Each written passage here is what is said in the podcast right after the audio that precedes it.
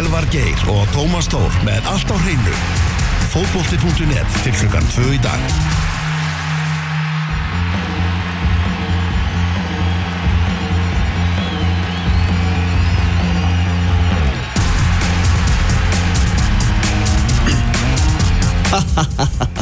Halló, halló, daginn, góðan daginn Ísland. Góðan daginn Ísland, halló, halló, við erum lendir.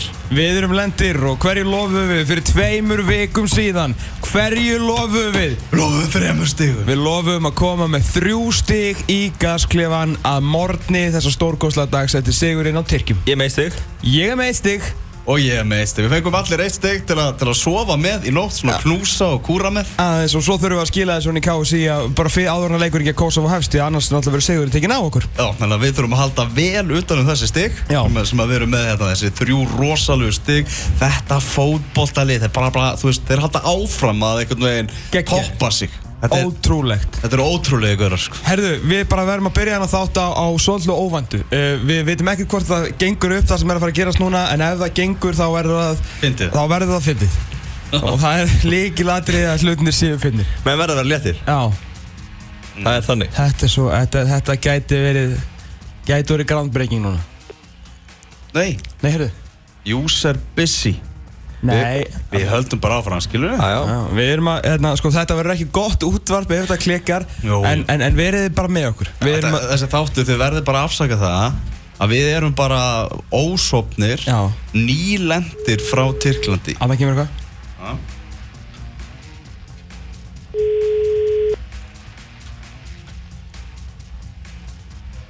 Við býðum spenntir. Að síma. Timo, Yeah. Hi, this- yes, we're, quote? yeah, we're ready for, we're ready for, Peter, yeah All right. I give it to Peter. Right. Yeah, thank you. Hi. Hi, Piri. Hi. Hi. Hi, hi. How are you?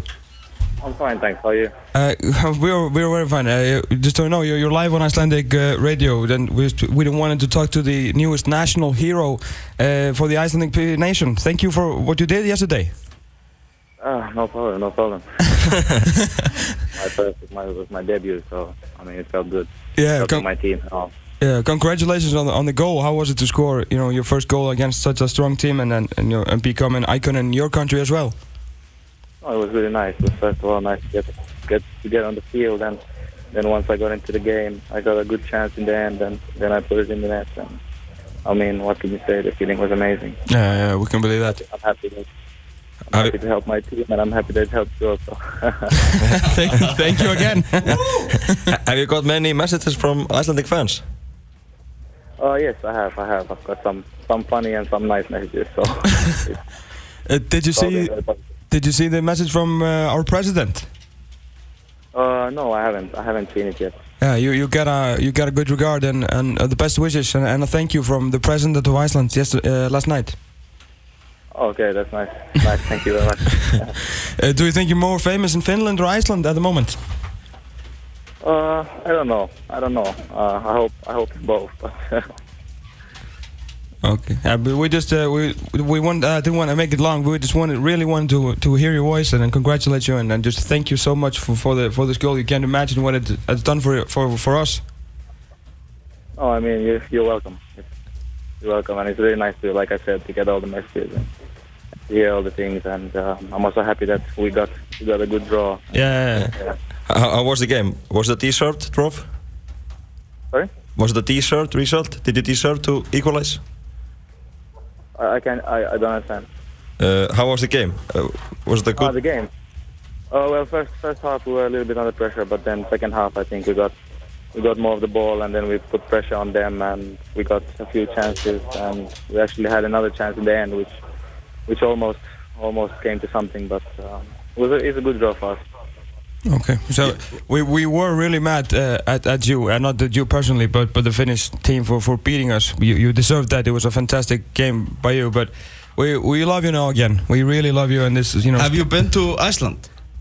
No, I've never been. I have to visit sometime. uh, you have to visit. You're you're just a, you're a hero here. You can walk into every bar and just, just you'll never have to pay a single thing. Sounds good. Have you seen the, the Facebook page? The fan page here in Iceland. Yeah, yeah, yeah, yeah. I saw it. I saw it. Somebody sent me the link, and, and there was some funny things on there. How do you like it? Uh, It was good. It's really good. I appreciate it. Wow, fantastic. Uh, just very nice to hear from you, and, and all the best in, in, the, in the final game, and hope you score again. Yes, thank you very much, and thanks, thank, thank you, Mr. President. Thank you. Bye bye, Piri. Thanks so much for talking to Bye us. bye. Thank you. All the best. Bye bye. Bye bye. Já, já, já, svona á byrja þætti sko. Heyra í nýjustu þjóðarhetjunni sem er enda frá Finnlandi, Píris og Íri. Maggi, hver er Píris og Íri? Herðu, þetta er gæði sem var að spila sem fyrsta landsleik verið finna í gær og ég held að finnskir kannski áhuga menn hafa verið einu sem vissi hvað það var fyrir leikin í gær. Ertu viss um að þeir vissu það? Já, já, valla Þetta er einhver gaur frá, frá Namibíu sem var að spila sem fyrsta landsleik En hann er kongur, það er alveg gett að segja hann Nei, því líkur djöfusins famaður Guðni Foss, þetta verður að senda hann kveðjur og Já, hérna. Facebook, hvað er, hvað er hann komin í Facebook síðan? Sem mörg þúsund mannskonir á, á vagnin og, og Twitter síðan hans, hann er alltaf norðin með miklu fleiri followersinn í gær og, og hérna, þetta er geggjað. Ég er alveg rétt sem þú segir að hann myndi fá allt frýtt í Íslandi, Ég- það var hann myndi mæta.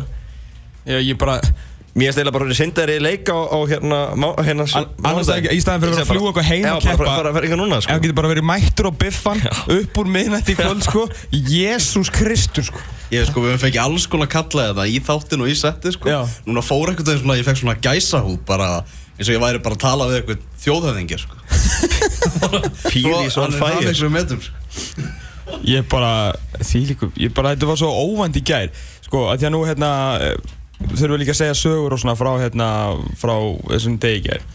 Og þessi, þessi gæði skiptir hérna Mér líka svo miklu máli að það var náttúrulega mómið ekki að það sem ég var sérst í þessum svo kvöldu flassvitur Menn ég var farin niður úr blamanastókunni fyrr heldur, en, en þig og ég var sérst var Þarna aðeins fyrir innan, raun og veru og ég með þess að labba aðeins út á völl, stálstanga sko. Reynda það var einhver öryggisvörður sem vissi ekkert að ég mætti ekki fara út á völl sem alltaf stránglega barna ég spurði svona, ég með svona passa má ég standa þarna aðeins úti? Og þannig ég stóð bara á hliðlinni í smá stund sko, það var unbelievable dæmi sko, allavega svo lappa ég aftur inn bara í leikmannagönginu raun og veru þar sem ég var að býða eftir viðtölunum.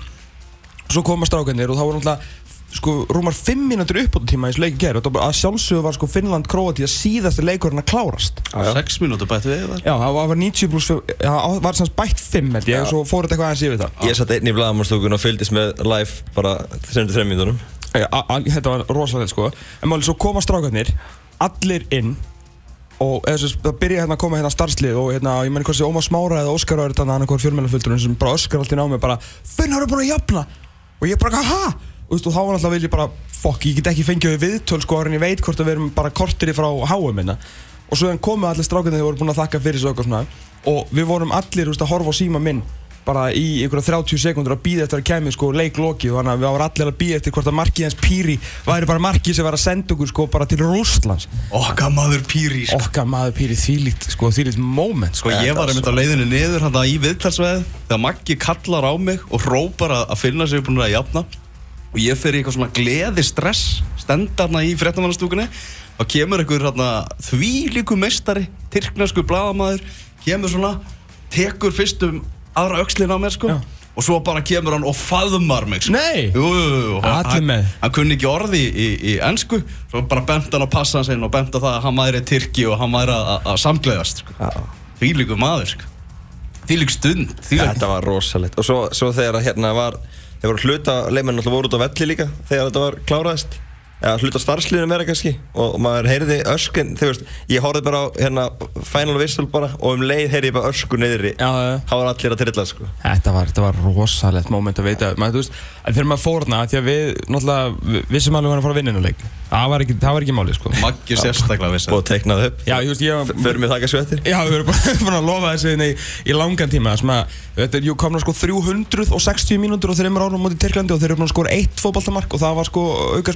þetta jú, komna 360 mínútur og þreymur árum mútið Tyrklandi og þeir eru búin að skora eitt fótballtamark og það var aukarspilna í skeitin Já, það voru nált í ger Nei Hafa þeir verið þeir nálætti Það var ein, ein markvæðslaðana Hannes var Það var og frábær Já, frábær Hann er svo svolítið fúll út í félagasinn í Goalkeeper Union þegar hann var að gera lítið úr vesluna Ég var að segja hann hafði svo lítið að gera sko Já, já, já. Þá er ég svona aðeins búin að gleyma þessari veslu Hún var reikalega góð sko Já, já. Sælunur Reikalega góð Ú, heyrðu, Arna Gretarsson ætlar að koma til okkar bara rétt og eftir og við ætlum að fara yfir þennan leik, bara fótboltaleikin sjálfan.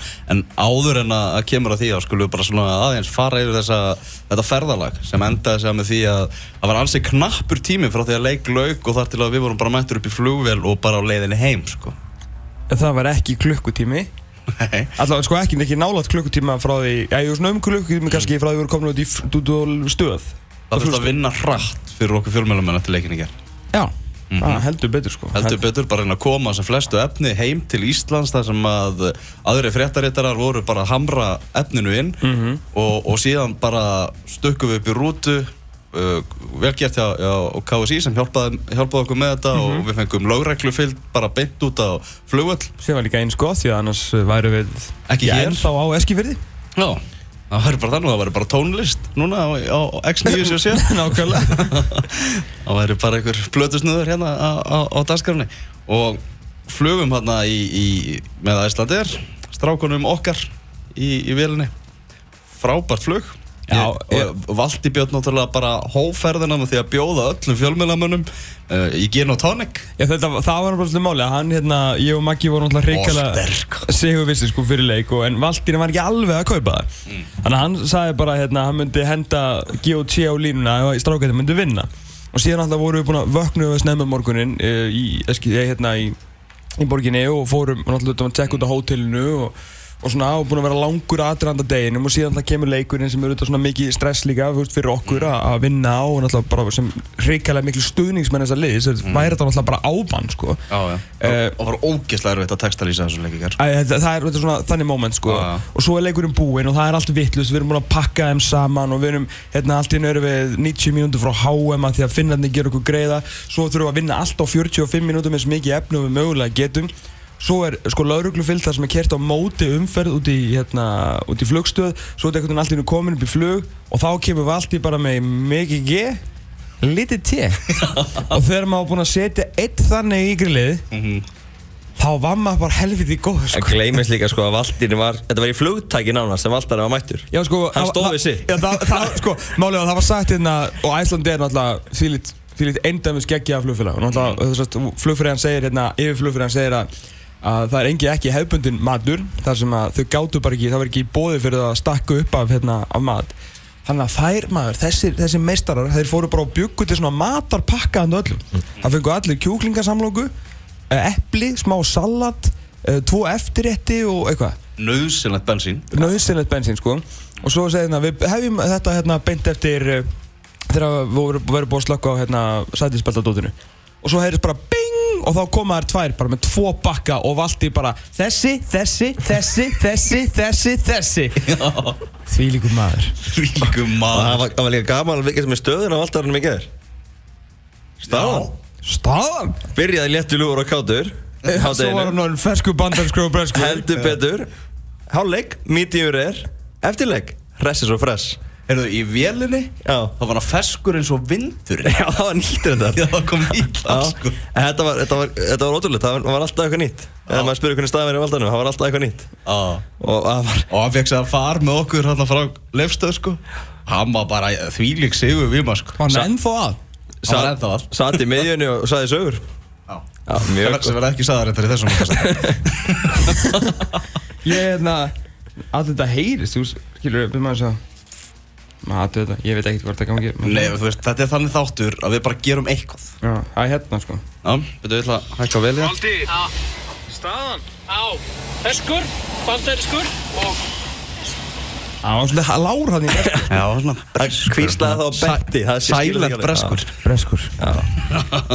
Það vantaði ekki. Og hann var sko búinn að tegna upp fyrir leik. Hann var eitthvað, hnútur í, kallinu fyrir leik. En hann sagði, ef við förum í eitt úl þá verður þetta veistla Og svo var hann svona eftir leik þegar þetta var veistla Já. Þetta var svo gott. Maður ekki útæðlega um það að það eru draumur hefur lengi að upplifa fótbolltaleiki í Tyrklandi. Já. Ég giska á það að þessi leikur hafi svona staðist þínar vandingar Já, samt sko, Bjóst ég með Nei, já, algjörlega Sko sko strákarnir okkar er eðiluta fyrir okkur. Já. Já, þeir þeir náttúrulega bara eru þögguðu allt, niður. allt og góður Ef Tyrkir hefðu skorað í byrjun þá hefði allt orðið bilað á vellinum. Sko, mér, mér Þeir fannst náðu aldrei einu mómenti. Þeir Þegar- þeir fyrir eitt móment. Þetta var algjört ofmat frá upphafi til enda Þessi háaði ég eski sér hér Af því að, sko, fyrirleik var ekkert gert. Þegar strákunir löpuðin á völl Sko, ég var að ræða þetta með Gunnar Gilva og hann vildi meina og ég er eiginlega sammála með þetta. Baul hann Þessi Já. fyrirleik, þetta var bara teipi, sko. Þeir hafi bara tjúnað það Þeir heyrðu þetta var alltaf eins. Já, hann er rétt Alltaf eins, sko. Alltaf Þetta er bara að tekið upp á Besitas Finnibats hérna fyrir Ég- tveimur árum og hendi, henda play. Ég, hérna, ég var ekki að Þetta eru svakalega samsæriskenningar sko. Nei, ég bara, þú svo fór ég að hlusta Þeir voru ekki það margir mætti sko, það voru, Það- það voru læti þá. Ég, veist, Nei, það, nei það, það sem ég er að tala um Já. er aðalega þegar þeir komu út á völl og skoða Ég grasi segi, tvei myndir fyrir leik, með að voru fáar á svæðinu, Já. það voru mjög mikið læti. Allt og mikið læti. Þannig að Ég- ég er eiginlega sammála Gunni Gilva, starfmanni Kási að hérna, þetta hafi verið af, teipi sko. og svo var ég alltaf, ég sérst alltaf að teipa þarna einhver svona smá pistil fyrir fréttinnar um sérst alltaf nýju sérst, já, svona 40-45 minnur fyrir leik. Og ég var alltaf að býða eftir ykkur látum. Að ég var búin að lofa því líkri stemningu og veist, að fá að taka þetta upp standum fyrir neðan, neðan á velli okkar. Og það heyrist ekki neitt. Svo dregur eitthvað svona nær leiknum og það er svona, eh, ok. Svo er svona aðeins byrju, góð fánamenning og eitthvað, Já. svo fyrir leikur á stað og ok, þeir byrja alltaf að hoppa og þá er búin að lofa því að þeir myndu að hoppa í 90 mínútur. Það þeir hoppaði í 3 mínútur sko, max. En svo er svona alveg stemning og svona alveg þokkalegur háaði nema svo ákveðast rákvæðan okkar skora mark. Já. og þá var svona, fór þetta úr skilur kannski 110 decibelum í svona 90 svo skoru er annað mark. Og þar með var daskar og lók sko. Já, nei, þeir baulu í tvær myndir þá. Já, þeir- Svo af, aftur þegar þeir komu út í hálfleiki tilkynni þá baulu þeir aftur. Það var náttúrulega eitthvað sem hafa búið að ræðum fyrir leika Þeir eru fljótir að snúa þess keks sínum mönnum. Jú, jú. Er lítil þólumæði fyrir því það illa gengur. Nei, Og hérna, það síndi sig svo svona leikar En þeir með eiga eitt þetta, hérna í byrjunleiks Þá voru þeir með hérna Einhver sem var svona á okkur stiga í stúkunni. Þetta er eitthvað sem þeir maður skoða rauðarsöldi ah. Er ég að vera tónlistarstjór Já, hann var bara, svona, bara eins og í symfóníunni það, eru, það eru öll lið með þetta Já, en- þú veist, AC Milan Já, já. er búin að vera með í mörg á En hann, hann, hann var að gera góð hluti svo Já, þetta Já, er Þú veist, við erum bara að henda Joey Ég er að segja og það. setja, fyrir, Friðgeri. já, setja, setja drauminu fyrir framann á svona stillans Já, já, það er það sem við vorum að vinna með. Já, Það mjög, er- mjög flott sko Ég hef oft báðir þessum gaurum að þessi gaur að hljóta að halda alveg ógeðslega mikið með liðunum sínum til að nenna þessu. Já. En síðan eru svona gæðin sem að stýra þessum stærstu hópum. Þeir sjá ekkert af leikn Nei, nei, hann snýr baki, hann er bara stjórn á umferðinni. Já. Missir að mörkunum og svona. Það er eins og það er. Já, En þetta, en þetta, eskifurður Ég er alveg átándi já, Borgarinnar? Já, alls ekki aðnáði Nei, nei, en bara að- að- ferðarinnar sko. Ferði, já, ferðalagi var Ég er til, í, til hérna allt til þess að þrjústilega eskiferðar Já, já. Það er alltaf. Við náðum nú að fá eitthvað kebab og svona. Við náðum að hakka við það. Svona, já, ég er ekkert að fara í frí Og enda voru við Já, þú veist, þetta er ekki túristaborg Það Nei, nei. alveg- Nei, þetta er, þetta er háskólaborg. Ég skal alveg fara aftur á fótballtáleikana að Íslandar spila. Allt í lagi Þú veist, Völlurinn- manni fannst aldrei, þú veist, öryggi manns var aldrei eða, Nei, það, var svona það sem var líka svolítið vombri og hérna eins og leiðil, hrigilega leiðil Þú vilt þú bara lendi hnífamönnum bara Vanta alla flugöldar og lættir Hvað vildur þið? Ég vildi taka eitt nýfabardaða, skilur Nei, ég, ég er að segja, það sem ég er að meina er hérna Maður er náttúrulega búin að upplega, skilur, EM Það sem var alltaf svona stemning og leikdeg Og sem er að segja um kvenna Sem var ríkilega gaman að úst, Vera á, á daginn að gera eitthvað. Við vorum allir samanir í bæ í Nokkra klukkutíma Og veist, við reyfum aldrei sinni upp tölvurnar Það það var ekkert að frétta Það var ekkert að gerast. Já, já. Þú veist, eins og fyrir ljósmyndarinn okkar eini, veist, Við vorum einu sem sendur ljósmyndur út Og þá var bara hérna á leikdag Hérna Neithor Ráðnarsson Já, takk, hálflega mjög ánægð með núna Já, ég er að meina svona, þú veist, af, skilur blöðunum sem að, þú veist, Já, ég getur rettaði svona Nei, ég er með, þú veist, Já, ég að veit. menn vilja fá sko, myndir á það sem heitir twist og svona, skilur það sem er eitthvað svona stemningsmyndir Algjörlega. og þetta er þannig, þú veist, menn eru sendir út til þess að fá Já, sko. já, þannig að, hérna, þú veist, Getty græðarlega hitt Já, já. en það sem að, hérna, en það var ekkert að gerast Hvað hittu marga Íslandingar í bænum? Tvo Þrjá, þið voru þrýr Ef- ef voru þrír, já. tveir í treyju og pluss einn Já. Þeir bara svein Tveir pluss einn Við vorum hann í bænum í marga klúktíma og það við sáum, og það var, sko, málið er, ok, við vissum að það voru bara 80 Íslandingar en það var ekki einasti tyrki í treyju sem að söng eitt einasta lag. Þeir skutu að sengt tósum var þetta mætt. Já, en hún var ansið róleg. Það var ekki treyju Það var ekki að drekka te. Það hlýtur að vera hérna, þetta völlurinn er náttúrulega talsett frá hérna miðbænum. Mm. Hljóta að vera einhverjir í einhverju skuggasundum, einhverju barir hann þar í kring sem að að En hann er samt bara úti í auðninni. Já, Það er ekkert í kringu völlin já Svo er líka spurning sko hvernig menningin er hérna Þú veist eins og til dæmis í Konja það sem var trillt stemming þegar við mættum fyrir tveimur árum Já. Þá náttúrulega er ekki svona selt áfengi sko. Þannig að þú veist Nei, ég var- stu- ég var- stuðnings- ég var- Stuðningsmenn er ekkert að hittast á barnum eða eitthvað. Nei, nei, nei, nei. Þannig að bara spurning hvort þið bara mæti ekki bara beint úr vinnu eða beint að heiman bara og verða trilltir á vellinum Jú, á- algjörlega, það er sem ég er að segja En, en þess þá heldur, þá var náttúrulega Bærin var bara dáinn um miðan dag. Þú veist, það voru hvergi stuðnismann og bara að, að að setja í sig eða neitt, sko. Eða bara ekkert setja í sig, þau voru ekki einhvern veginn að drekka te, sko. En Þeir tóku nú eitthvað Og nóg að drukja að Það þeir tóku samt eitthvað, eitthvað rent á liði eftir leik. Svona þeir voru á leiðinu út í rútu og þá tóku þeir aðeins. Já, það, þeir þurftu að vera tánum lögreglumennir því að það, þeir, það var hérna hópur af stuðnismenn sem byðu og þeir ætluðu bara að láta menn heyra það. Maður sér að alveg- láta leikmenn vita því að þetta væri bara ekki ásættan Nei, og maður sér líka tyrkjum fjölmjölu það er verið að, að finna alla til að hengja á það er verið að finna svona Arda Túrun, hann var brosandi þegar hann var tekinn út af. Það var ekkert að falla vel að hvort að- þjálfarinn sem var ráðin Rúl Glúkesku og nú er hann allt í norðin einhver skúrkur fósandi í knastbyrðsambandins, það er verið að reyna að finna svona menn og Já, já. taka það fyrir. Sáu þið þarna Lukasku þegar hann var að, að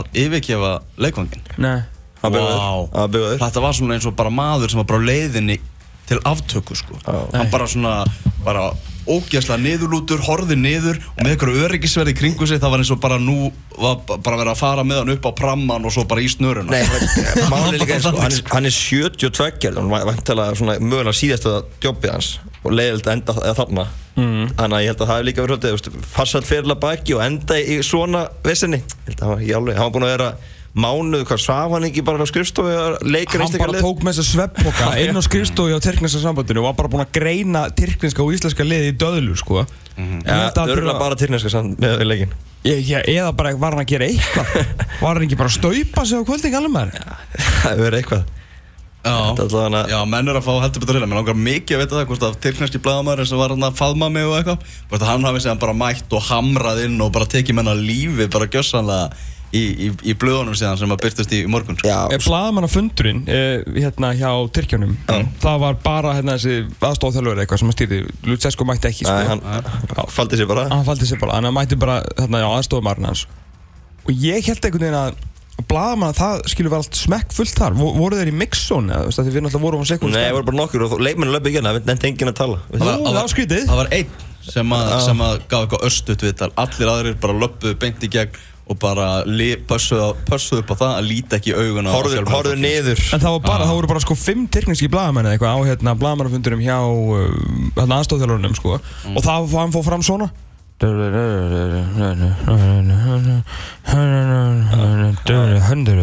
Já, og við tökum fram að þetta er alvöru upptaka sem við tókum í ger og hann að spila Það er þannig. Þetta, já, það, það er, er þúndið Tyrkjum ég, ég er alveg nokkuð vissum að, að finna hann í taki þá. Ég loka Já. alveg, Tyrkjinir eru alveg bugaðir Er með það að finna hann í Píri er, er, er, Píri maður. er að fara að skora aftur. Okka maður. Það það maður heyrði það bara uh, fyrir þá sem voru að kveikja á viðtæknum maður þá bara mistu þið af pýri við bara byrjuðum þáttinn að ringja í okkar mann og, og maður Þáttur byrjar klokkan 12 sko, ekki 5 minútur yfir, hann byrjar klokkan 12 og þá byrjar veislan. En það er að mæta á þeim tíma, það er bara þannig. En, Hann Hann, kemur á liðsfélaginu sinu fullu sjálfstöðst Já, með að í- eru gjörsanlega er í Finnlandi. Já, Þannig að það, ég held að í klári það. Algjörlega, léttilega. Og þá eru þeir ekkert enda langt á eftir Tyrkjum Þannig Nei, þá geta það bara verið sátir Já, já, allir Það var svo vel gert hjá Lalla að láta og fá hennan ömulega þjálfara þarna. Já, til að svona, hjálpa okkur aðeins meira svona, að koma þeim úr leikart þessi hann verðist að bara vera ágættir sko það var- það þægilegt. Menn ekki sem hvað hann hét. Var hann ekki kallar Hassi og hinn og kallar Hassi Bakke. Hassi Bakke. En einu sanni. Heimir Hallgríms að bila aðeins til fjölmiðamann ekki er svona að reyna að halda okkur á, á, á jörðinu og svona. Eins og við erum að gera. Aldrei lendi því áður. Við höfum heldur betur gert það hérna fyrstu 24 mínúti þá Nei, við erum ekki að byrja að tala um nei. þá fyrst verður hann pyrraður sko. Mér var svo, svo fyndið þegar hann var að segja þetta við mig í vittalum sko, á var svo augljóst, þeir fóru allir inn í klefa, get hæ. Og svo komu þeir allir út og bara já, þetta var bara hrikalega góða leikur og það varum að standa okkur vel og hérna bara hrikalega vel gert hjá okkur og skipulega gott en nú var alltaf leikur á og maður var bara já, ok, þið hefur ekkert rætt þetta Bara alveg eins og eftir Kroatíu leikin Við Emmitt, en þetta er líka svínvirkar og það er ekkert að því og ég bara ég erum ekki að gaggrina A- það Alls ekki, þetta, þetta, þetta er að vinna fyrir okkur fótballtaleiki sko. Við viljum það miklu frekar en menn komum bara Fuck Tyrkland maður, þetta er fucking liðlir Menn voru ekkert að taka, hérna, var það ekki út á það er eitt leikur eftir. Já, já, það Það er eru þannig. 90 mínútur eftir. Það er þannig. Nei, algjörlega, þannig að þeir voru, voru mjög fælegir og flottir í viðtölum í gæðir að, að vanda sko. En hérna En já, það maður var svo sem ekkert að búast við ykkur Þeir fögnuðu náttúrulega, þú veist, mjög vel En síðan vita alveg hvað býður að þeir fá Já, það eru tvö ár síðan við tókum hérna leik upp á allt Það er enda með fleiri leiki þá í bókanum sko Eftir, en þurfum við Við svona gerðum það sem við þurftum þar En við unnum ekki Kassastan í þessu leik sko. Og Kasakarnir fengu færi Það er rétt. Þannig að sem Hannes varði Þannig að hérna, það má ekki glemast Þeir voru byrjaðar að undirbúa sig í gær fyrir leikinu á móti Kosovo. Gilvi að mætti með tvær hámark í viðtal og menn voru í, hérna, í flugin í svona sérstökum buksum til að hraða ríkóverinu Já, já, og ég, þú veist, Jóndaði mætti viðtalið mín til mig, hérna, ég dætti eitthvað, eitthvað powerbar maður og menn var alveg, sko, hann undirbúningu komin á fullt. Já, þannig að það, er- það er mjög gott og svo gekk þetta flugur ágætlega þannig að menn hafa náða að leggja sig. Menn er örgulega vakna núna. Já, það ekki. Drifið sér bara upp á hótel, kláruðu lúrin og... Þetta er samt Svo erfitt. bara næsta mál, áfram Áfram Góða stundir. Góðar stundir. Þættin er með lokið. Nei, alls ekki Nei, tjók. það er mjög- Alls ekki, því að Arnar Gretarsson, ég held að hann sé ko- mættur í hús, ég held að hann sé hérna fyrir utan Við ætlum að fara að hleypa honum inn, við ætlum að ræða um þennan fótballtaleik sem að framfór í ger og svo ætlum við að ræða annan fótballtaleik sem verður á mánudaginn og það er náttúrulega loga allir samfélagsmiðlar þar sem að vera að auglýsa eftir miðum á þennan leik Já, ég held að Það er skemmtilegast að við erum að fara að gefa hérna tíu... Nei, tjók. Í lók Símkjörið þáttar. sprungið. Það, það, það á enginn með á hann leik og ég haldið eitthvað sé að fara að selja með hann Þú veist, ef að þú átt með á Kosovo Ísland og þú ætlar að selja hann og ef að ástæðin er ekki að eitthvað vera, þú veist, þú varst dauður þá eru vegabrið tekið að þér og þú eru sendur á landi Það er líka þetta, nærður lengra með þessu. Já, við erum konur í lofti sko Já, við erum að, aðeins að tæknimálinn sá til Já, en við erum búin að tala um það, við gerum bara eitthvað, þú veist, við erum búin að, búin að segja það, við erum með í svefgalsa og sigurvímu og öllum bakkanum, þannig að það mun bara heyrast á þessu þætti, sko. Klukkan í gleði Klukkan er nefnilega gleði, sko. Heldur betur, við ætlum að rýna þennan legg og, og höfum hérna fengið góðan mann, góðvinn þáttarins, sjálfan Arnar Gretarsson. Til, ertu ekki, bara líður ekki eins og, eins og okkur líður, ertu ekki bara í, í, í, í sigurvímu? Ég er bara á bleiku skíi, það er bara þannig. Ég hérna, er búinn að öskra hérna úr sér lungun í, í gær. Maður, Ekki það, ég var hérna hjá honum hirti í gær og, og þá saði nú að því ég er svo hjátrúafullur að, að, að þetta lið er alveg hægt að koma mér óvart og, og það kæmir ekkert á óvart að þeir myndu gera eitthvað svip og þau gerði í gær sko. Þannig að, að þetta er svo vel skipulagt lið og, og, ég held að við höfum getað spilað þennan leik fram að miðnætti og, og Tyrkinir hefði ekki fengið færi. Það var bara einhvern veginn Já, mér þetta þá náttúrulega Já. íslenskum tíma. Íslenskum Já, tíma, sko. var basically orðið mér þetta Já, var búið. já, ég var að tala um íslenska tíma. Já. að að Það er bara átti ekki breyk Nei, þeir átti ekki breyk sko. Þetta var bara Við erum bara betur en Tyrkland, það er ekkert flókið. Við erum búin að spila núna fjóru svona við og þeir eru búin að skora eitt mark. Já, já, þetta, er- þetta er, bara, það er bara ótrúlegt að sjá hvað, hvað er búið að gerast með þetta íslenska landslið og ég held að margir hafi verið svona smekir þegar Lars Lagerbäck hérna yfirgaf landslið og, Mm. og hei, Heimir tók, tók við þessu en mér finnst bara Heimir hafa tróðið sokk upp í hansi marga og, og hann er búinn að taka liðið á, á, á annar level Já. og mér finnst liðið hafa bara raunar eitthvað að tekið framförum og, og ég held bara Heimir, Helgi, Gummi og Freyr vinnan sem þeir eru að leggja í þetta að, undirbúningur uh, analæsa anstæðingin fara yfir sitt lið koma með skil upp á hvernig við erum að spila að það bara kristallast því hvernig við erum að spila. Og, og það er svo gaman að sjá þegar menn leggja svona mikið á sig og, og við erum að uppskera eftir því. Þeir eru ennþá alveg mjög auðvitað strákarnir svona mjög tilbúinir að taka leiðbyrningum, tilbúinir að taka svona já, uppsetningu á leik og framfylgja því 100% því að þeir þrátt fyrir já, mikla og góða landvinninga þá vita eru kannski fengu smá svona áminningu í Finnlandi hver gildin þeirra eru og þeir voru aftur svona fórtan að tala um þau skipula, gildi, grunnvinnu og veist, að þannig höfum við unnið þess að glæsilu sér. Já, já, já, ég meina að, að, að ég held að, var ekki tölfræðan einhvern veginn þannig að ég held að, að Tyrkina hafi verið með tæp 70%, 65-8% með boltan og við eh, hérna eh, í saman hlutullu við það 35-2% með boltan og ég held samt að við það sem skiptir máli í fótbolta það er ekki að, halda boltanum allan tíman það er að skapa sér fær og skora mörg mm. sko að halda bolta er mjög gott en það þarf að gera eitthvað með boltan og á síðasta þriðung og þar voru við þó að við vorum bara með boltan 35% eitthvað í leiknum að þá sköpuðum við bara miklu meira heldur en þeir. Við vorum miklu líkri allan tíman og ég held að við fengið jætt mikið á, á hotspinnum við hefum átt 13 skotum átti 8 Uh, veist, uh, þannig að, þannig að uh, ég held að hefði eitthvað lið hérna, átt að bæta við mörgum þá var það íslenska landsliða því ég man ekki eftir að Tyrkirnir hafi fengið færi í leiknum. Þeir voru uh, mikið með boltan stundum nokkru sinnum Taratans í teiknum en þeir spilaði svo aldrei í gegnum vörnina og, og mér fannst líka bara að mér fannst allir spila vel en það var svona eitt sem mér fannst svona skí, skína hvað skærast og það var Jón Daði hann alltaf var ótrúlegur, líka bara hann hjælt boltan svo vel og, og gerði svo marga góða hluti og, og svo náttúrulega laði hann upp þessi, þessi tvö fyrstu mörg og, og þetta er svona skólabóka dæmi fyrsta marki finnst mér með liðlega varnarleik að, að þar er uh, hérna vinstri bakverðin er að hann er komin í stöðu en hann horfir og gleymir að, hann horfir bara á, á, á boltan hann er ekki, hann gleymir að horfa á Jóa. Jóa stingur sér inn sem er náttúrulega frábær. Og, og, og svo einhvern veginn svona kiks hann hann hann í vingilin Skópláðan með skeitin Skópláðan með skeitin sko. En en hann var náttúrulega bara, já, já, geggjað. Ég meina, og bæði, Alfred náttúrulega var hérna við. Þetta er líka bara svo erfið bolti að, að verjast veist, þessi sending hérna milli markvarar og, og, og, og eftir þessi varnalínu Markmann gæti aldrei fyrir út í þetta. Og svo er þetta, svo, ég, hvað ef við séum mörg svona mörg það sem varnamenn renna sér í boltan og, og Sjálfsmark. sjálfsmark. þannig að En fyrir því svona bara, veist, sem taktiska þjálfara og bara svona þannig að sjá eins og tvö mörkana uh, náttúrulega þetta mark, fyrsta marki er náttúrulega bara augluslega af æfingarsvæðin, ég meina Hörður Björgvin hann er bara færiður hérna langt, langt fram kemur bolti, Byrjum að einu. Já, Birkir Már Sæfarsson með boltan á miðjunni á hægri Og það er ekkert að frétta? Ekkert að frétta. Það tók hann þrjá tíma þess að segja tilbaka á Hannes.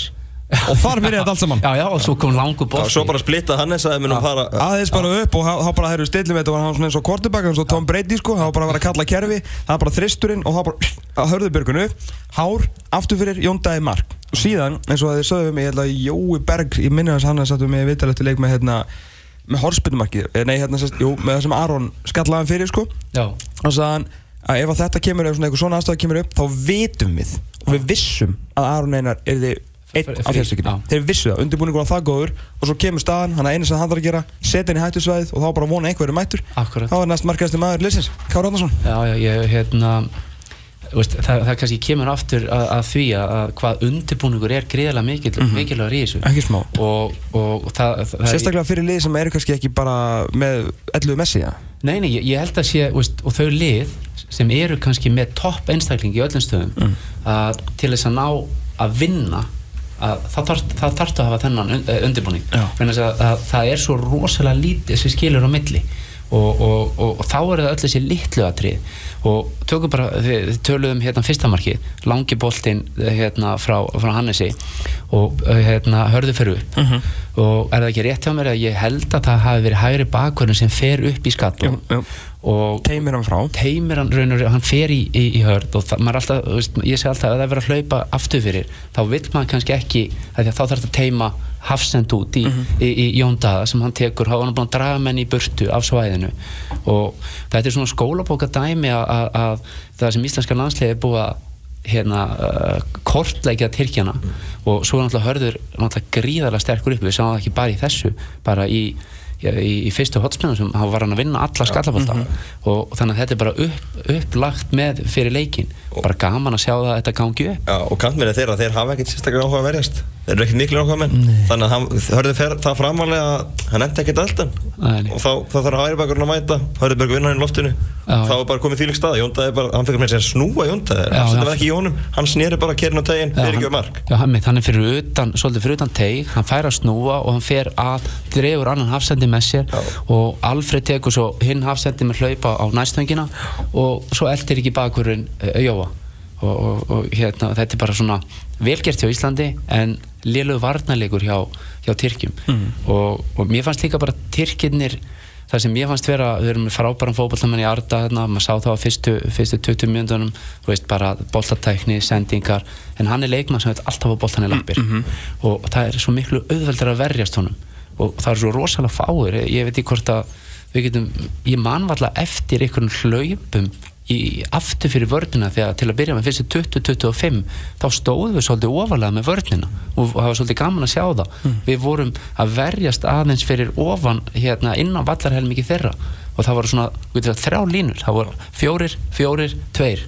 Og, en það var svo mikið þétt ekki og við vorum að færa þegar boltinn var hægra minn að vinstra minn, þá kom kantmaðurinn inn og, og maður gæti alveg sé hvað, hvað upplegið var. En aldrei dætti mér í huga að taka hlaup aftur fyrir íslensku vörnina til að reyna að tegja á henni til að búa til svæði þá á milli línunum, það var ekkert.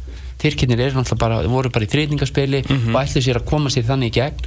En, en bara uh, já, vinnusemmin bara skipula okkar, okkar manna, grimdin þeir áttu bara ekki breyk. Og líka það svona því að uppspilspunktun er að gegnum eins og Borg Gjelmas og, og hérna St. Jósson. Ég meina auðvitað Þeir eru tankar. Þetta eru tankar en, Þeir eru ekki að fara að stinga sér Nei, þú, þeir, eru- þeir eru ekki löpum fyrir og þú veist, okkur líður bara mjög vel ef að Kára og Raggi fá að vera með menn í fanginu sko. ef þú ætlar að setja fram mér í fangi á Kára og Ragga þá, þá hefur maður ekkert eitthvað gríðalega rákir sko. Nei, nei, en, en ég held líka að vera þess vegna sem, sem vörning allavega til að byrja með stóð herra heldur en oft Já. ef, ef við, við förum til Fraklands að þá vorum við að verjast svona bara rétt fyrir fram að vítateg eins og við sjáum oft Atletico Madrid og þessi lið, þeir bara, þeir bara parkera vördinni þar Já. og eru bara á, á 30 metra svæði þar sem eru með 10 leikmenn svo markmanni fyrir aftan Já. og það er rosalega erfitt að fara í gegnum svoleiðis múr og, og það sem við hefum náttúrulega líka rosalega sterkir í þegar við vinnum boltan, þá erum við fljótur að breyka fram og þá vorum við að breyka á 3-4 leikmannum Anna var ekki með svona eftir hálfgeitt breyk Já, þú veist, þannig að þetta er bara hefur verið okkar svona vörumerki og við erum bara alltaf að vera betri í því. Og, og, og það er bara svo gaman að fylgjast með strákunum hvað eru orðnir hérna eh, rólir á boltónum yfir og, og respekti sem við erum að fá. Þú veist, tyrkirnir bara respekti sem er, er að sína okkar mönnum sem þeir eru alltaf bara að vinna sér inn og það er bara maður er bara greiðilega stoltur af þessum strákum og það sem, það sem er búið að gera. Bara gaman að fylgjast með þessu en ég ætla bara rétt að vona það að þeir eru svo flottir sko allt heimið að það er strax, það er allir rólegir það er engin að hoppa eitthvað far- farinir að fagna. Þeir ætla sér að fagna á mánudaginn eftir að búið að flauta. Og þannig þarf það líka að vera því að þetta er ekki búið fyrir að það er búið. Og, og það er því grátlegt ég hef enga trú á því en að, að Kosovo er ekki rétt hjá mér þeir eru með eitt stig Það. Væri fyrsta leika ekki móti finnunum? Jú, ég, ég held Jú. það. Átt að töfur rauð síðan þá. Já, mínus 19 marka Akkúrat. mikill auðgangur hefur hef heyrt. Já. En, en, Er alltaf að tapa minna sko. Já. Við. það er byrjun. en, en, en, en sjáu þið sko að, að, að ef, í raun og veru ef, ef, ef, ef við erum svona smá hróki okkur þá eigum við náttúrulega, við eigum að vera konni með þetta er sem að satt, sagðum við val hérna þegar það voru þrjár, fjórum fyrir eftir konni með nýju putt á, á, á byggari við erum konni með aðra löppina til já. en, en enga síður, við þurfum að klára leikin á auðvitað og það Og- sást líka að þeir voru klári með hvernig þeir voru sultustlækir í gerð sko. mér finnst að gegja um þetta, fylgjast með því búin að eiga spila geggjaðan leik og leikurinn á undan á móti, móti Úkræni, hérna það spilu frábælega Já. og, og eh, hérna kom með framistöðu eftir þann leik sem er ekki síðri og, og svo erum við bara rólegir og bara strax, það er næsti leikur og voru að fylgjast með stuðunni hérna í, í leiknum hjá Króatum. Þannig að þetta skiptið að máli. Ef Króatan vinna þá það er auðvitað er erfiðara ef Króata vinna svo Úkræni og, og, og við þurfum að fara í umspil. Það er mun erfiðara, nú er þetta bara í okkar höndum að fara til Rússland. Já. og þetta er, og við sögum fyrir þetta er gríðarlega erfiður við erum með Króatum, Tyrkjum og Úkræni og svo Finnlandi og, og Kosovo það er ekkert svona bara gimme five leikur, það er engin Veist, það, en, en, en við erum, við erum hvað, 19 stig? Það er sem að líka bara svona þessi stærstu fótballtapennar voru á Twitter ekki að allir bara grunnurum var bara mér langar að benda hérna, heiminum á eitt. Ísland er með 19 stig með örlegin sínum eigin höndum. Ég reyðileg með Króati, Úgræn og Tyrklandi. Þetta, þetta, þetta er bara bíluna, það er bara að heyra þetta sko. Já, já. hefur þú sett peninga á það þá getur hægt að vinna. Já, líklega. Ha, Og svo er þetta óvæðan tap í Finnlandi það var ekki, er alltaf ég var hefði, þú veist, þá er þetta bara komið. En, en, en sko, þú veist við töluðum finnaleikin Mm. að, að uh, ég sé slatt að leikjum með finnum og þeir er ekkit léttir, það er ekkit létt að spila á móti þeim og sáleikur var ekki okkar besti leikur en Og þeir eru miklu betri í seinnu fyrir heldur en fyrir það er rosalega munur það og mjög líkala sterkir og letu, letu okkur finna fyrir en þeir fjalluðu tilbaka, fórurinn í okkar taktík og við vorum meira með boltan í þeim leik.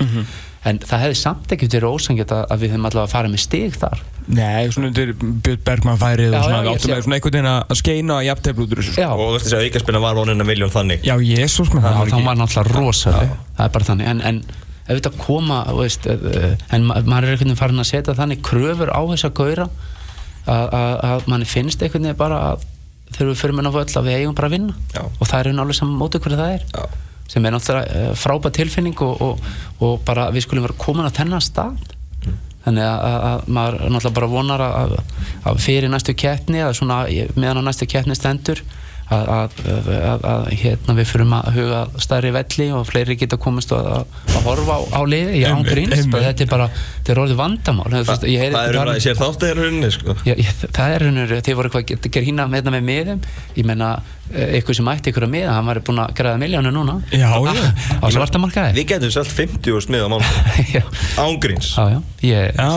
Það það- það- er það stórleikur og það vilja allir vera með. 50 úr smiðar, ég veist að það væri ekkert Ekki reyndar á hann 19 og 5 eins og Superman svona, en Nei, nei við sendum svona kannski- 50 smið á svona 3 og 5 Já, já. Já, já, bara eðli Það vilja allir þakka þátt maður að sjá þessa gæja. Já, Það væri byrjunir í lögata núna ef það verið til miðar.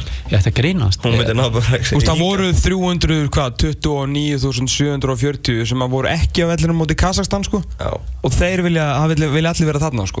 svo voru alveg einhverju 12 hérna eftir sem að fóru ekki á EM í fyrra og þeir vilja náttúrulega sjá þetta. Þú veist, það vilja allir upplifa eitthvað með þeim. Að þeir eru búin að gefa svo mikið og gefa okkur svo mikla gleði sko, það vilja allir einhvern veginn gefa þetta, tilbaka. er- þetta er bara þetta er raun og ótrúlega staða bara hvernig við spilum leikinn, þéttleikinn og bara, já, þú veist maður getur talað endalist um, um þetta lið og bara vinnusemina í, í öllum og, og bara líka umgjörðina því ég held að, að því að nú hefur maður spilað einhverja landsteki hérna fyrir einhverjum árum síðan að, að það, það er heiminn og haf hvað er búið að, að gera. Þeir voru ekki leiguverð klukkutum eftir leik Nei, ekki alveg. En, Nei, ég finnst þetta geggjað það sem er verið að gera þú veist, að að þetta er komið bara upp á herra plan. Og, og á sama skapi að því að nú er íslenska landslið umgjörinn í kringum það er farið að nálgast umgjörinn í kringum stóru liðin. Auðvitað þeir eru með fleiri menn og það er kannski gert aðeins meir en þetta er mjög svipa og nú eru þeir með nokkra nuttar og þetta er orðið mjög pró. Og Það er að halda þessu standard. Það er bara þannig og, og, og þá þurfum við líka að fara að huga veist, getum við reynd að bæta umgjörðunan í kringum félagstegin á Íslandi til að gera, gera enn betur til að veist, við förum aldrei í eins og aðrumunarklúbanir en það er samt hægt að bæta aðbúna og gera aðeins betur í, í þeim efnu hjá ansi mörgum held ég. Og, og þá náttúrulega nálgust við meira og þá getum við sk- gert enn betra umhverju fyrir íslensku leikmenn okkar að verða betri til að fara kannski fyrr út og verða enn betri. Þannig, að, þannig að það eru spennandi tíma framöndan Varnarleikur liðsins hefur, hefur komin aftur í bara það stand og það form sem við þekkjum. Og svona að vorum aðeins að eins og góði menn segja sleppin okkur mörgum hér svona framan af móti. Eh, við erum búin að fá okkur sjö mörg en síðustu fjóruleikjum við erum búin að fá okkur eitt mark. Alltaf hreinu gegn Kroatíu, Úgrænu, Tyrklandi. Og eina sem var inni það var 30 metra aukarspinn í skeitin. Þannig að þetta er náttúrulega það sem við höfum algjörlega byggt á. Og svona gott að sjá að þetta er komið aftur og, og Hannes auðvitað náttúrulega magnaði fyrir aftan. Sko. Þetta er, er þetta ekki bara uppskrift af því hann á orðangri Jú, jú er það ekki? Ég meina, þú veist, Þú prófaði þetta nú með blikana, hæ- hætt að fá þessi mörg og aðtók hvað gerist þá og ef þú ert líka með menn sem geta skora Já, það er líka ekki? sko, jú. Veist, þannig að þá, en það er, þetta byggist alltaf á því að ef þú ætlar að ná okkur um árangri þá þarf, það er alltaf varnarleikur mm. -hmm. e e einhver þjálfari sem hefur hvað náð hvað mestum árangri, hann er með Manchester United Mourinho að, að hann hefur stundum verið gaggrundu fyrir að spila kannski ekki skemmtilegast af fótboltan en hann er rosalega taktískur. Og, og yfirleitt þau lið sem hann hefur verið með er ekki að fá mikið á sögum mörgum Mhm. og, og þar að leiðandi er auðveldara að, að vinna. Og íslenska landslið er bara það er raun og veru bara uh, uppskriftin af, af, af árangri er góðu varnarleikur og það byrjar á annarkvort fremsta mann eða fremstu tveimur. Já. Hvort sem þú spilur fjórir, fimm, einn eða fjórir, fjórir, tveir eins og í gær Já. báðir, þið sáu, þeir voru báðir rosalega dögulir, Alfred var rosalega oft komið mjög neðarlega Mhm. og hjálpa og hann var að hlaupa úr sér lungun Jón Daði náttúrulega, hann hleypur, ég veit ekki hvað marga kilometra Þetta þetta var náttúrulega svona skemmtilegt að því að til langs tíma hefur náttúrulega verið þessi skemmtilega svona öfumæla mýta um að Jóndæði kunni ekki til fótbolta og Alfred hleypur ekki neitt. Þegar náttúrulega bæðir alveg sko, eins mikið lí og hægt er eins og við sáum í gær bara þegar Jóndæði var að snúa fram hjá mönnum og taka bolta niður. Og síðan þó að Alfred kannski hef ekki verið mikið í uppspilinu en það náttúrulega Jóndæði meira notaði þar þá var hann bara verjast undir við ég, það, það er akkurat það sem ég er að segja það, er allt lið, ég held mér að heimir að komi inn á það eftir í viðtal eftir leik að, að, að var hann að tala um það hvað fremstu tveir hefðu verið það, þar byrjar þetta. Þannig að ef þeir eru ekki duglegir þá þýðir það að það kemur meiri vinna á, á miðjumenna 2 og kantmennina. Og, og þá verður allt miklu erfiðara. Leið og þessi tveir eru duglegir þá verður allt á, á eftir miklu öðuldara og þess vegna er lið að verja sem, sem heild, það er svo gaman að fylgjast með því og ég hef alltaf sagt að, að þegar ég var að þjálfa blikana að, að fyrsti vardamann, það er strækjurinn okkar. Það er bara, ef þú ert ekki dölur að þá er allt miklu erfið að fara alltaf hérna og, og þetta er bara líkilatri og það er það sem þeir eru að gera. Og sérstaklega líka í 4-4-2 af því að þú veist, ef þú lendir ef mann bara fari í gegnum fyrstu línu með einni sendingu þá náttúrulega verður þetta erfitt fyrir tvo að verjast á kannski 40-50 metrar radíus Já, já, og svo náttúrulega líka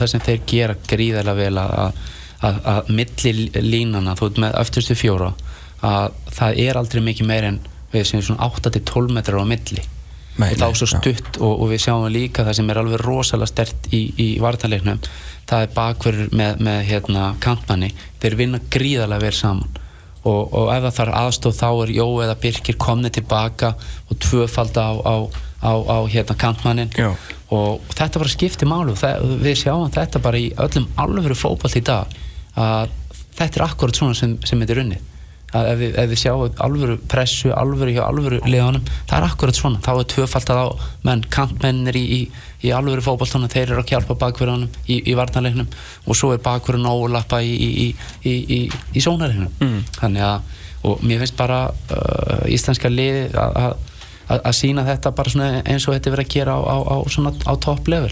Og þess er kannski gaman að með að við þegar við, að- hérna yfirleitt svona leikin maðurinn hjá okkur í, þá er að tala um svona í ústæðarsendingu, mörgum hefur verið Gilvi Mhm. Gilvi var gríðarlega duglegur í gær en þetta var ekki leikun að skilfa í gær. Nei. þá er ég bara að tala um maður töts og, og, og það er eins og maður hugsaði bara ok, fyrst að hann kannski á ekki sinn besta dag í gær, hann var rosalega duglegur vann vel. Vann, vann mikið af boltum. Já, já, hann, veist, Já. það er ekki, ekki spurning, ég, ég er bara að tala því við hitt, að það var ágætt að eiga hann inni fyrir mánundaginn, að hann detti á sinn leik þar, það er, verður mun mikilvægra að, að brjóta í sinn þar og, og, og, og, og skora. Við sjáum hvað þetta er náttúrulega fyrirleikurinn á móti Kosovo var. Þar vorum við ekki að sína okkar bestu hliðar En þar unnum við þetta bara gæðunum hjá Gilva Gilva, þannig. Og þar líka verður þetta aðeins öðruvísi. Þar ég hugsa að, að leikurinn Kosovo er, er ekki alveg, það er svolítið ég ætla ekki að segja þessu eins og Tyrkir en að einhverju leita, þeir eru mun sterkari heima heldur en úti. Mm.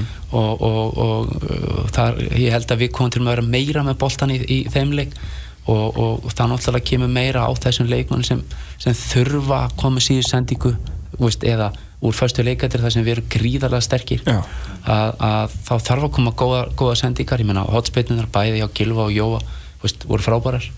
Þannig að, að, að þá þarf maður að fá toppleik frá þessum mönnum til að, klára þetta.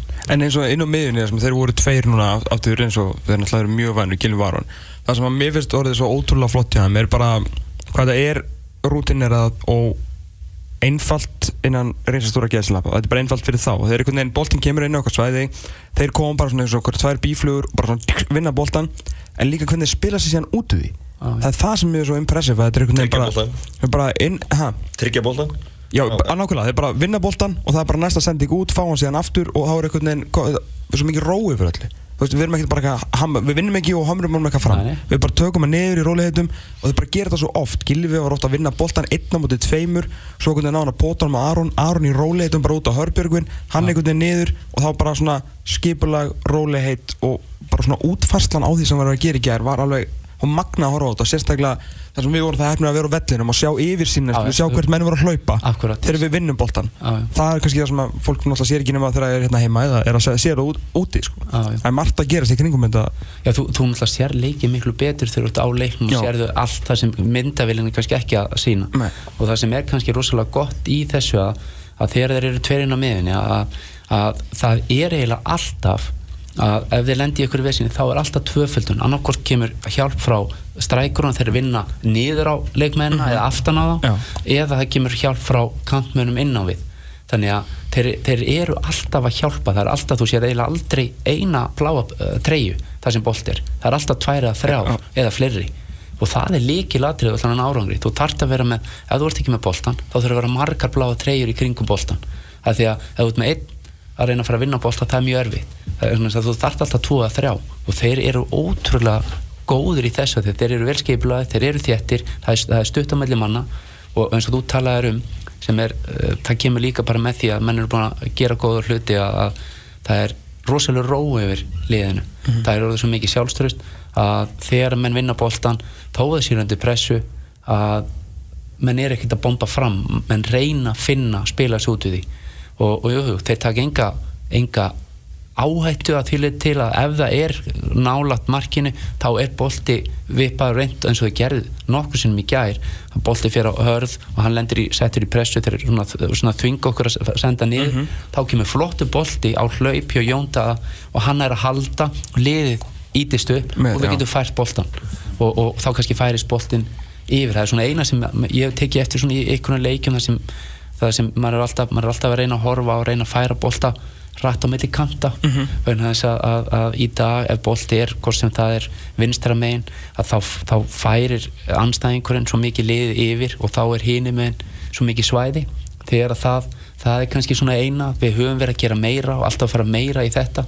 Af því að, að við höfum bara leikmenn sem geta þetta og, og, og, og, þetta er kannski eina svona sem, sem mér hefur fundist að ætti að vera enn meira því að við eigum að geta það. En, en bara uh, gæðin í liðin á öllu leiti róin uh, baráttan maður maður getur talað endalast um þetta. Það er bara alveg með ólíkindum. En við uh, kollingin uh, Heimir Hallgrímsson. Mm. sko hvar hvert þegar vonandi aldrei en þegar að hann flýgur úr, úr íslenska reyðrinu og alltaf kannski að reyna að spreita sig á alþjóðlega vettfangi um, hvert, hvert heldur við að hann geti farin ef við tökum bara þessa undakefni ef að eflust margir sem fór inn í þetta bara hann er veist, að vinna á einhverjum grunni frá, frá Lagerbæk þáttur að hann náttúrulega var bara samhliða honum Já, já. það er mjög auðvelt fyrir einhverja menn sem er að skoða hann ef það er einhverjir svona úts, þjálfar útsendari hjá einhverjum liðum þá, þá er þetta mjög auðvelt að hengja þetta við hann Já. en í þessar undakefni er ég búin að taka lið á næsta level eins og þú segir. ég, ég er alveg bara ég er þar. fótboltafræðin, bara frábær allar útfærslur, leikreiningar mann alltaf með, með sínum með, sín með sínum mönnum. Búin að vinna því líka segir að það sem hann er líka búin að gera komið nýtt kerfi, þú veist, hann, hann þorði að breyta frá uh, og það er búið að svínvirka fyrir utan í einum leik. Uh, eru síðan að fara aftur í 4-4-2 þegar það vantar upp á og fá, svo, þá fá við svo útfærslu eins og í gær. Hann þorir, og bara segjum bara þorir að taka, taka þessa breytingu með að nota ekki kára móti Úkrænu því að hann var bara búin að taka sér út þar.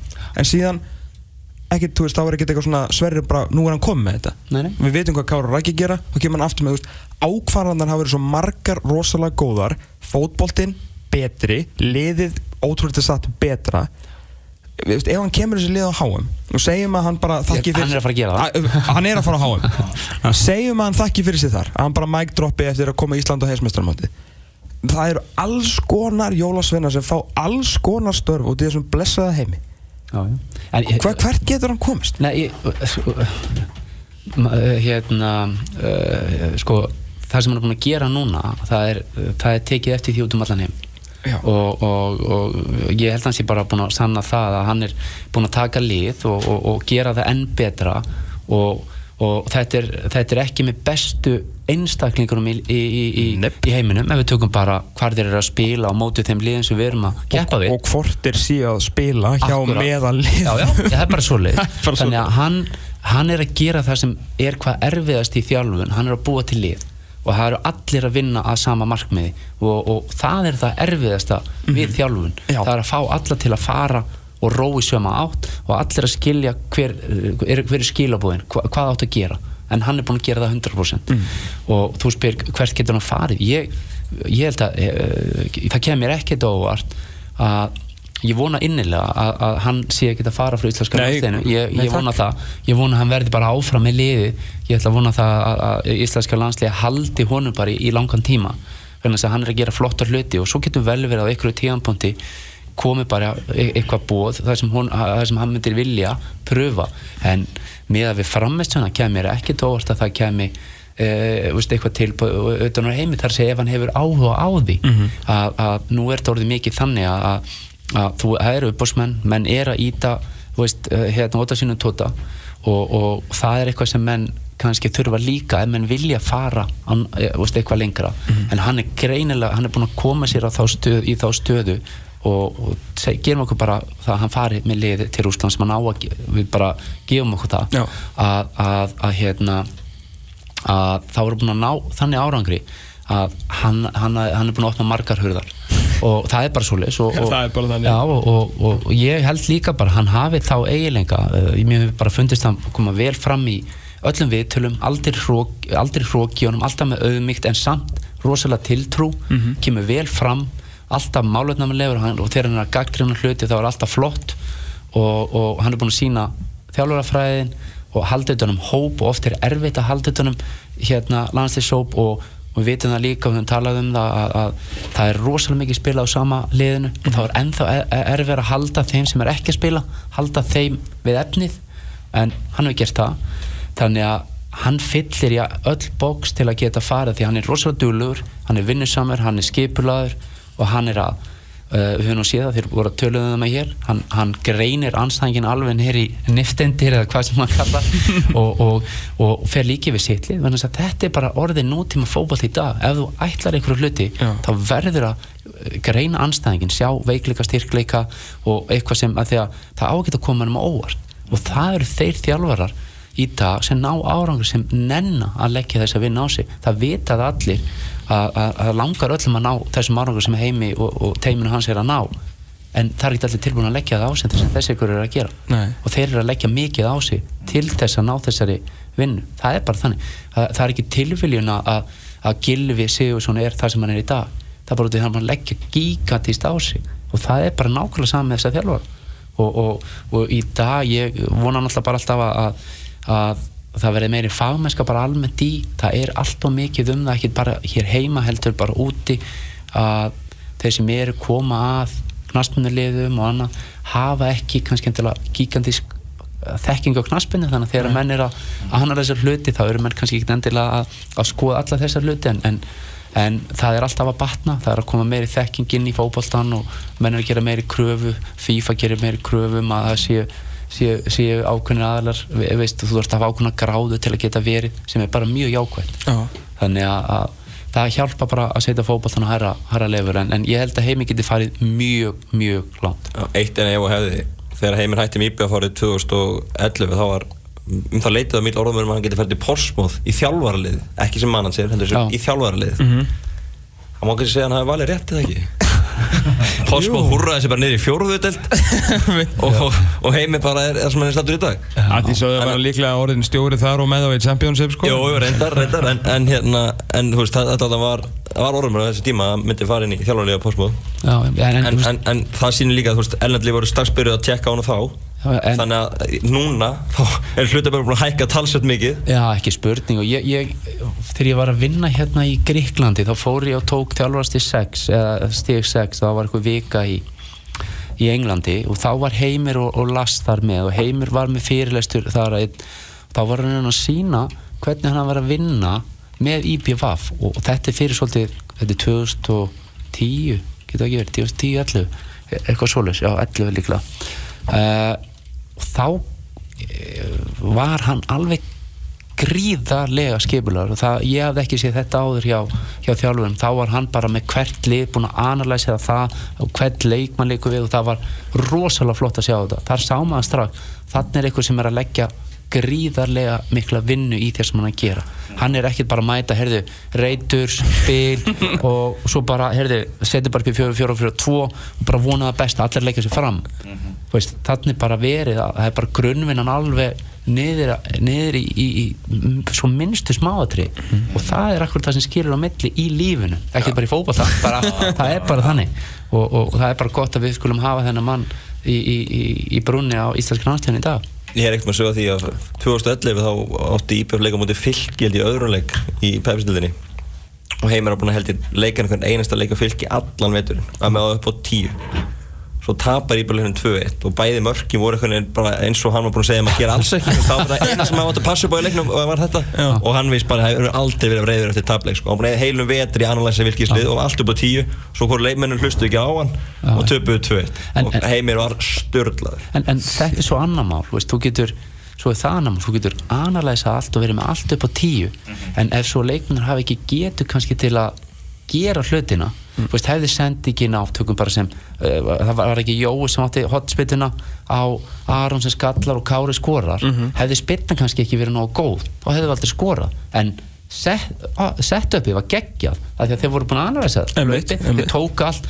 Aron kemur í svæði engin en sendingin léleg þá, þá náttúrulega gerist ekki neitt. Nei, nei. þannig að þú getur anlæsað allt og verið með allt á hreinu ef menn gera svo ekki hlutina eða er bara ekki nógu góð þeir ætla sér að gera það, að þá kannski færið ekki þau úrslit sem þú, sem þú líka, líka sérstaklega að þú ert ekki með besta liðið þá getur þú getur alltaf hlaupið sko. Þú á meðan að fæðinir bera þig sko, þá getur Alltaf alltaf, geta það. átt alltaf að geta hlaupið sko.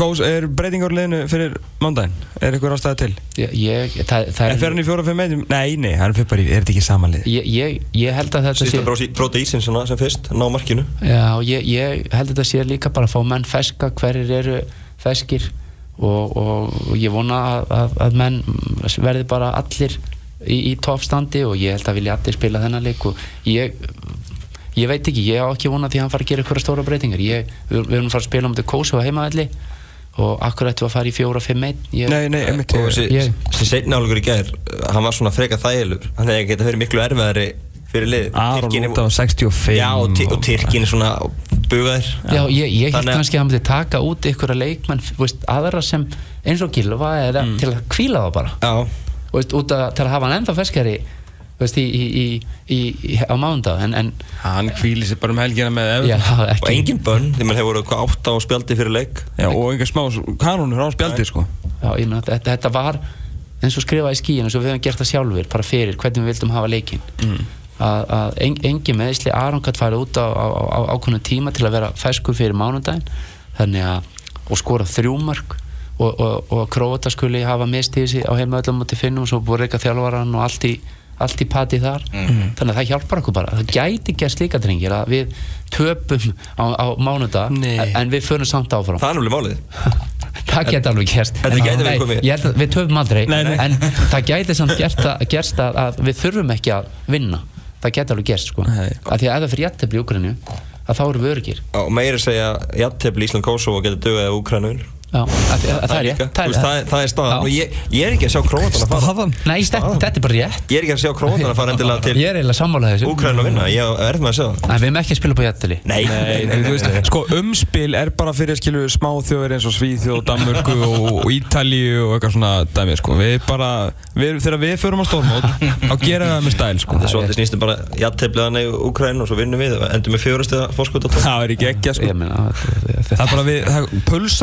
Það í á Það er ekki ekki sko. Það er það, hérna nóvember til að hitu völlin bara kostar svo mikið. Já, já, Þannig að sparnaður þetta er svolítið svona þetta eru, þetta eru peningar sem við getum eitt frekar í strákana sko.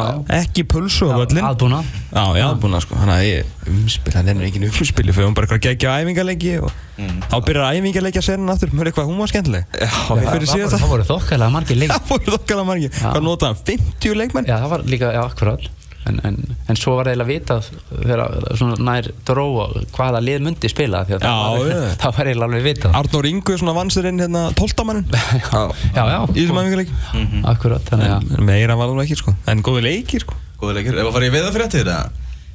Samkvæmt veðu.is þá verða skúrir, suðaustan, fjórar, fjóri metrar á sekundu og 6 gráðu hitti Það er bara alveg svo viljum hafa. Það það er bara, það er bara briljant sko. Á þessum tíma þú getur verið með 15 Þessum metrum.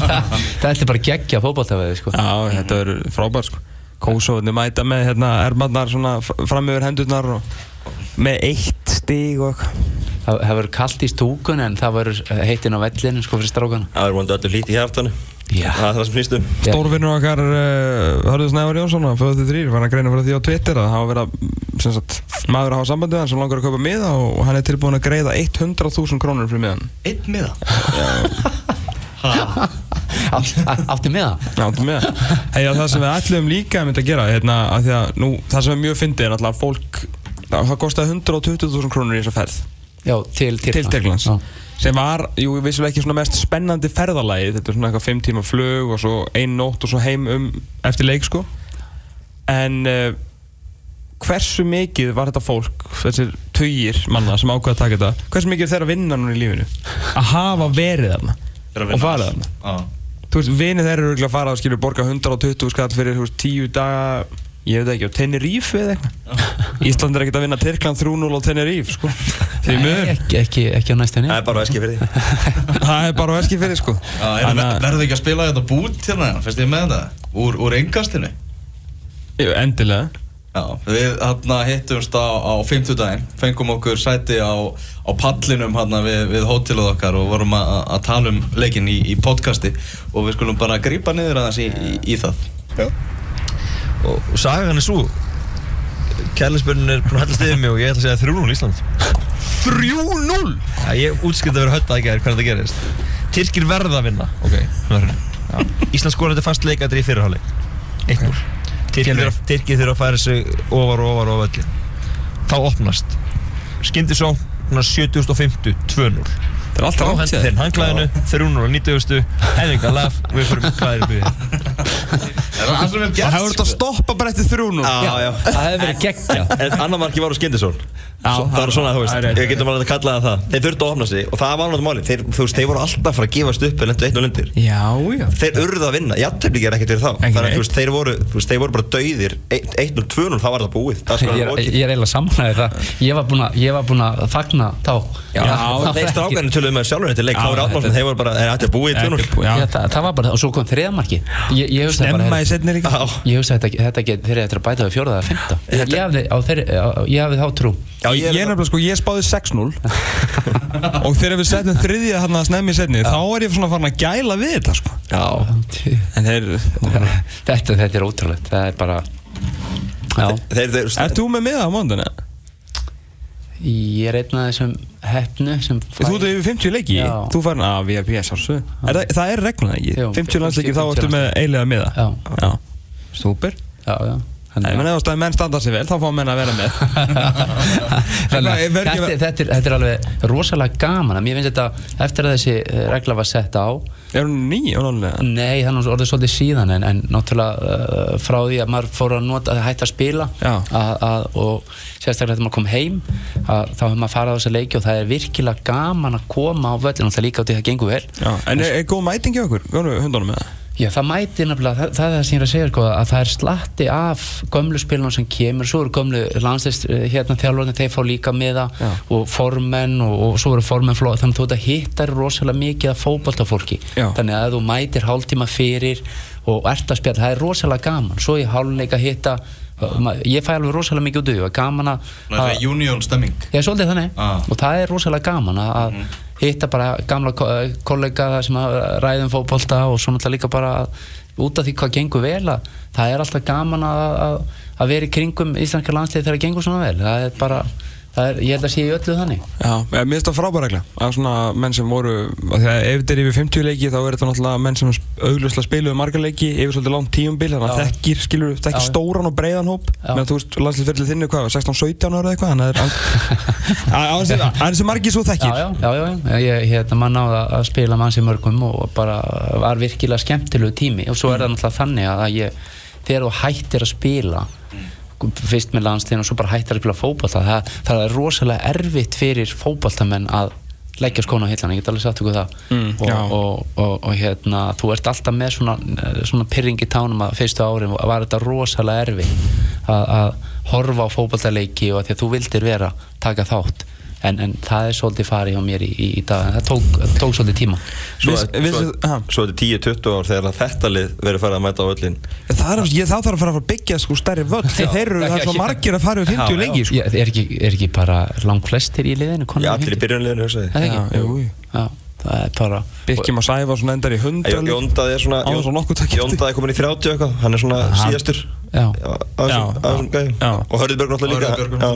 En aðrir eru konur örugglega bara í 50 flestar já Vissu þið að íslenska landslið verður aldrei tapa leik sem Arna Gretarsson skoraði? Já, góður Ah, Þú veist hvað- þú veist hvað hann skoraði mörg? Já, já, þetta er, þetta er svo mörg Það er Já, ekki hægt það er alveg, það eru tvö Það er heilt tvö Manst þetta báðum með það? Já, já, já Ah, Sko, í fyrirleiknum uh, það var mútið Ísrael 92 Já. Það er hans langt síðan. Það er 25 ára ammæli núna, í april Já. Frá fyrsta landslismarkinu Þetta- Fyrra þetta, þetta var rosalegt mark. En það? Ég veit Þú var ekki. þrjóttir að googla. Þetta var sko svakarett Þetta. Var negling á svona 20 metrar færi upp í vinkilinn Já. Já. Hver kannst ásninguna? Eða þú veist, Ég rétti man ekki, ég fekk einhvern veginn boltan og ég svona teka með mér og skoppa svona yfir og teka hún á volli í vinkilinn Já. Já Minnir að, Siggi bróður hafi skorað sko koma okkur yfir. Já, það er rétt. Úr víti eða Fi- eitthvað- eða- Úr víti, já. Já, Fyrirlið þessum leik. Já og svo skoraði ég endaningi 2-2 Enda 20 Já. Síðan uh, ákast að býði fjögur ára eftir hinumarkininu Já, þetta, var, þetta var í mínum öðrum leik eða eitthvað Já, svolítið þetta var mjög snömmar Þetta leit mjög vel út Þú veist, tvei leikir, eitt mark. Mjög- Að miðjum aðeins, skilur geggjað, en Komin svo- ungur hérna, 19-20 Já, já, og svo 71 leikur, tvö mörg, ég veit það ekki. Síðan ákvæmst að setja eitt við þannig í fjögur eittir á möldu Við erum farið illa með möldu í gegnum tíðina. Já, já, það er svona það, það hefur oft verið samt svolítið svona strögg með, með, þessa, með þessa leiki. Það er enda rétt. Já. Jóns á fyrli, 96 þegar þú skorar heitmarkið Já, þetta er, þetta er Heru, Þetta er ekkert smá lið. Gústi Púst, Óli Adolfs Steini Gísla heitin Óli Þórðar, þú, Siggi Jóns Egilur Sverrisson, Bjarki Gunnlaus og Arnór Guðjónsson Já, já, þetta er grótarlið Þetta er þokkar lið. Ah, alltaf gaman, alltaf þegar Arna kemur sko, þá fara svona fun fact um, um, hérna, um landsliðsferðli sko. Æ, já, alltaf gaman að ykkur, þeir eru svo miklir. Ah, Þetta er svona alveg gúrú sko. Já, Ah. sjálfsögðu. Herðu Arna, takk kjærlega fyrir komuna, hrigilega gaman að fá því að vanda. Og hérna við ætlum að alltaf þetta að tala um þjálfara kabalinn og, og margt fleira en, og öruglega meira um íslenska landslið sko. við eftir að segja fleiri sögur frá, frá Antalíu þar sem að allt er feik Takk fyrir mistrákar Takk